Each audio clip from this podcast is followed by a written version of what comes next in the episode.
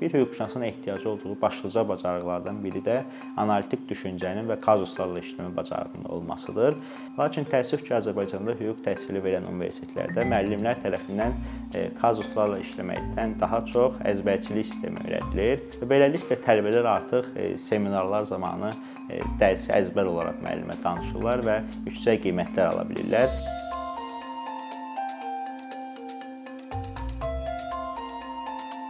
Gənc hüquqşünaslar şəbəkəsinin əsas məqsədi gənc hüquqşünasların vahid bir platformasını yaratmaq və gənclərin gənclərə, yəni praktiki hüquqşünasların tələbələrə öyrətməsini təmin etmək. Bununla yanaşı e, gənc hüquqşünasların hüquqi, sosial və mədəni tədbirlərini təşkil etməkdən ibarətdir.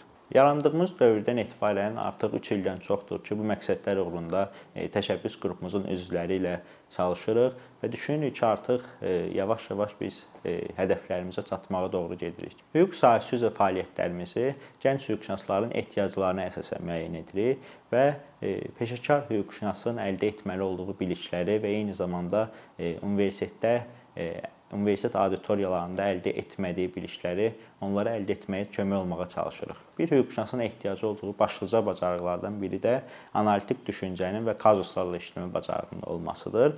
E, belə ki, e, hüquqşünas artıq aktiv fəaliyyətə başladıqdan sonra demək olar ki, gün ərzində müxtəlif kazuslarla qarşılaşır və onun qarşısına müxtəlif kazuslarla bağlı suallar çıxır.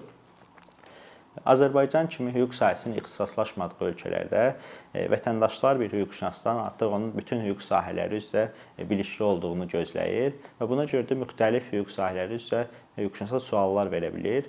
Və bu zaman da hüquqşünasın ehtiyacı olan ən e, başlıca bacarıq onun analitik və kazuslarla işləmə bacarığıdır. Lakin təəssüf ki, Azərbaycanda hüquq təhsili verən universitetlərdə müəllimlər tərəfindən e, kazuslarla işləməkdən daha çox əzbərçilik sistemi öyrədilir və beləliklə tələbələr artıq e, seminarlar zamanı dərsi əzbər olaraq müəllimə danışırlar və yüksək qiymətlər ala bilirlər. Eyni zamanda bu əzbərçilik sistemi, davamiyyət və sərbəst işlər zamanı toplanan ballarla tələbələr imtahanı keçid edirlər və davamında imtahan zamanı da e, testlərin eyni zamanda yazılı olsa belə imtahanların əzbərçilik sisteminə əsaslanması e, artıq tələbələrdə bu kazusla işləmə bacarığına və e, analitik düşünmə qabiliyyətinin inkişafına e, heç bir kömək olmur. E, biz isə gənclərdə bu bacarıqların inkişaf etdirilməsi üçün məhkəmə simulyasiyaları və debat yarışmaları təşkil edirik.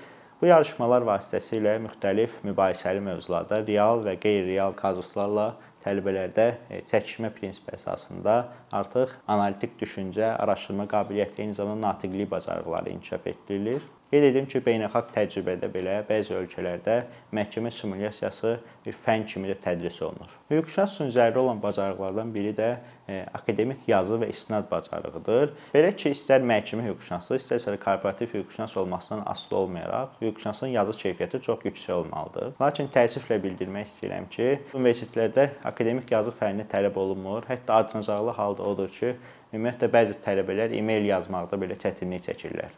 Səbəb isə universitet dövründə akademik yazı fənninin tədris olunmaması, e, sərbəst iş yerinə məqalələrin müəllimlər tərəfindən tələb olunmaması və bu sahə üzrə ixtisaslı kadrların daha az olmasıdır. Gənc hüquqşünaslar şəbəkəsi olaraq biz gənc hüquqşünaslara akademik yazı bacarıqlarını inkişaf etdirməsi üçün e, hər il mütəmadi olaraq akademik yazı yarışması təşkil edirik. Müxtəlif mövzuları əhatə edən akademik yazı yarışmasının sonunda bizə göndərilən akademik yazıları biz öz e, gənc hüquqşünaslar şəbəkəsinin saytı vasitəsilə yayımlayırıq və bunun da nəticəsində e, bu digər hüquqşünaslara da əl çatanlı olmasını təmin edirik. Bu da digər gənc hüquqşünaslara artıq həmin yazılarla tanış olduqdan sonra ən azından akademik yazının texniki cəhətdə necə yazılması barədə məlumatlar əldə etməsinə kömək olur. Bununla yanaşı mən e, bizim hal-hazırda davam edən proqramımız olan Future Experts, yəni gələcəyin mütəxəssisləri proqramı barədə qısa məlumat vermək istərdim. Belə ki, bu proqram vasitəsilə gənc hüquqşünaslar normativ hüquqi aktların qəbul olunması prosesi, qanun layihələrinin və siyasət sənədlərinin hazırlanması, eyni zamanda bunların ictimai kampaniyasının aparılması ilə bağlı silsilə təlimlər keçmişdir. Daha sonra isə proqram iştirakçıları müxtəlif komandalara bölünərək eyni zamanda e, təcrübəli mentorlarla artıq qanun layihələri hazırlamağa başlayacaqlar. Bu qanun layihələri müxtəlif aktual mövzulara və eyni zamanda ictimai əhəmiyyət kəsb edən mövzulara həsr olunacaq. Bu proqram bizim üçün çox önəmlidir və düşünürük ki, proqramın sonunda iştirakçılar tərəfindən hazırlanacaq qanun layihələri keyfiyyətli olacaq və biz daha sonra bu layihələrin hətta ictimai kampaniyasında aparmağı düşünürük. Universitet auditoriyalarında müzakirələrin olmaması və xüsusən də hüquqşünaslar üçün xüsusi əhəmiyyət kəsb edən tənqidi düşüncənin, arqumentasiya qabiliyyətinin olmaması da böyük problemlərdən biridir. Belə ki, hüquq kimi şərhə, eyni zamanda ziddiyyətli fikirlərdən inkişaf edən bir elmə dair yalnız e, hər sahə üzrə yalnız bir kitabın olması tələbələrdə analitik düşüncənin, tənqidi tənqidi fikirlərin formalaşmasına problem yaradır. Bunun da əsas səbəbi kitabların qonşu ölkələrin qanunvericiliyinin tərcümə olunması və eyni zamanda onun köhnə nəşrdə olmasıdır. Biz şəbəkə olaraq istər e, təşkil etdiyimiz təlimlərdə, səfərlərdə, eyni zamanda öz platformamız vasitəsilə müxtəlif hüquqi mövzulara dair müzakirələr elan edirik və bu müzakirələr nəticəsində gənc hüquqşünasların müzakirələrə qatılmasını və onların müxtəlif fərqli fikirlər ortaya qoymasına çalışırıq. Digər problem isə elmi və pedaqoji bazanın çox zəif olması, pedaqoji sahədə olan mütəxəssislərin azlığıdır. Hüquqşünasların pedaqoji fəaliyyətlə məşğul olmamasının əsas səbəbi əmək haqqının az olmasıdır. Buna görə də pedaqoji fəaliyyətlə məşğul olan hüquqşünaslar artıq məcbur olub həm də kommersiya fəaliyyəti ilə məşğul olurlar kommersiya fəaliyyəti ilə məşğul olduqda da onların artıq e, pedaqoji fəaliyyətlə məşğul olmağa çox imkanları qalmır və pedaqoji fəaliyyətlə bağlı hər hansı kitab və digər məqalələri yazmağa demək olar ki, imkanları olmur. Hüquq sahəsi üzrə professorların, mütəxəssislərin az olması ölkədə hüquq təhsili verən universitetlərin son zamanlar pedaqoji sahədə e, təcrübəsi olmayan vəkillərin və digər hüquqşünasların universitetdə tədris etməsi üçün dəvət olunmasına gətirib çıxarır. Bununla yanaşı insan hüquqları sahəsində xüsusilə də e, xaricdə təhsil alan gənclərin ölkəyə qayıtdıqdan sonra iş tapa bilməsi, bilməməsi bu sahəyə olan marağın, eyni zamanda tələbatın azalmasına gətirib çıxarır. Qeyd etdiyim kimi, Gənc Hüquqşünaslar şəbəkəsi təkcə e, hüquqi fəaliyyətlərlə deyil, eyni zamanda mədəni və sosial fəaliyyətlərlə də bağlı tədbirlər keçirir. Bu fəaliyyətlərə regionlara səfərlər, intellektual yarışların təşkili, film nümayişlərinin keçirilməsi və digər mədəni tədbirləri misal çəkə bilərik. Bu tədbirlərin həyata keçirilməsinin əsas məqsədimiz hüquqşünasların iş mühitindən müəyyən qədər daha kənara çıxması və eyni zamanda onların networkingini, yəni şəbəkələşməsini həyata keçirməkdir. Şəbəkəmizin digər əsas fəaliyyəti isə hüquqi yardım göstərilməsi ilə bağlıdır. 10 nəfərdən ibarət hüquqi yardım komandamızla birgə biz vətəndaşlara sosial, əmək və ailə hüququ sahəsi üzrə ödənişsiz hüquqi yardım göstəririk. Bu da eyni zamanda həmin e, hüquqi yardım komandamızın daxilində fəaliyyət göstərən e, tələbələrə də təcrübə toplamağa imkan yaradır. Eyni zamanda vətəndaşlarla yanaşı e, hüquqi yardıma ehtiyacı olan digər təşəbbüsləri də istər təlimlər vasitəsilə, istərsə də maarifləndirmə tədbirləri vasitəsilə hüquqi yardım göstərilməsinə dəstək oluruq. Bunu da nəzərinizə çatdırım ki, bizim artıq e, mindən çox qrup üzvümüz var və biz bu üzvlərə universitet həyatında əldə edə bilmədiyi bilik və bacarıqları e, alternativ platforma vasitəsilə verməyə çalışırıq. Əgər siz də gənc hüquqşünassınızsa və bizim platformaya qoşulmaq istəyirsinizsə, bizim sosial media hesablarından bizimlə əlaqə qura və eyni zamanda bizə qoşula bilərsiniz.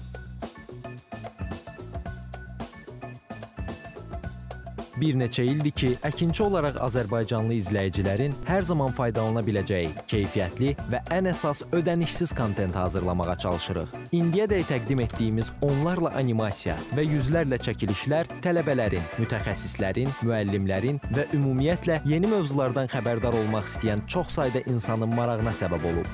Bu illər ərzində hazırladığımız videolar təhsil, texnologiya, ictimai fəallıq, iqtisadiyyat, gender bərabərliyi, ətraf mühit, ifadə ifadə azadlığı, hüquq, demokratik inkişaf, mədəniyyət və digər mövzuları əhatə edib. Məqsədimiz çoxlu baxış gətirən deyil, çoxlu fayda gətirən videolar hazırlamaqdır. Amma bu düşündüyümüz qədər asan deyilmiş. Gördüyümüz iş kifayət qədər resurs, əmək və təbii ki, davamlılıq tələb edir. Bu səbəbdən Patreon platformasından istifadəyə başladıq. Əkinçinin Patreon hesabının populyarlaşmasına çox böyük ümidlərimiz və gözləntilərimiz var. Bəziləriniz Patreon haqqında ilk dəfə eşidirsiniz. Əslində çox sadə izahı olan bir platformadır. Təsəvvür edin ki, siz rəssam və ya musiqiçisiz. Sosial şəbəkələrdə sizi izləyən, işinizi bəyənən çox sayda insan var. Patreon platforması sizə imkan verir ki, izləyicilərinizin könüllü aylıq ödənişləri sayəsində işinizi davam etdirəsiz. Sərgi, konsert zallarından asılı qalmayasınız. Amma bu təkcə rəssam və musiqiçilərə aid deyil. Məsələn, əkinçiyə bənzər fəaliyyətlə məşğul olan bəzi layihələrin 10 minlərlə patronu var. Biz də düşündük ki, nə üçün əkinçinin Patreon hesabı olmasın? Sizin dəstəyiniz sayəsində biz daha çox və daha keyfiyyətli kontent yaratmağa davam edə biləcəyik. Amma bu dəstək yalnız maddi dəstək deyil. Dəstəkçilərimizin sayının artması gördüyümüz işlərin faydalı olduğuna dair əminlik verir. Patreon platformasından istifadə çox sadədir. Hesabınızı açırsınız, sizə uyğun dəstək növünü seçirsiniz və Patreon özü hər ayın ilk günü kartınızdan seçdiyiniz dəstək növünə uyğun ödəniş tutur. Bu qədər. Sonda onu demək istəyirik ki, dəstəkçilərin sırasına qoşulmaq istəyən, amma məhdud imkana görə bunu edə bilməyənlər narahat olmasın. Daha öncə dediyimiz kimi, bizim əsas məqsədimiz daha çox insanın hər zaman faydalana biləcəyi keyfiyyətli və ödənişsiz kontentin yaradılmasıdır. Bunun üçün mütləq patronumuz olmalısınız deyə məcburiyyət yoxdur. Amma imkanınız patron olmağa çatırsa və bizim işimizi bəyənirsinizsə, patronlarımızın sırasına qoşulmağınız bizim üçün çox önəmlidir.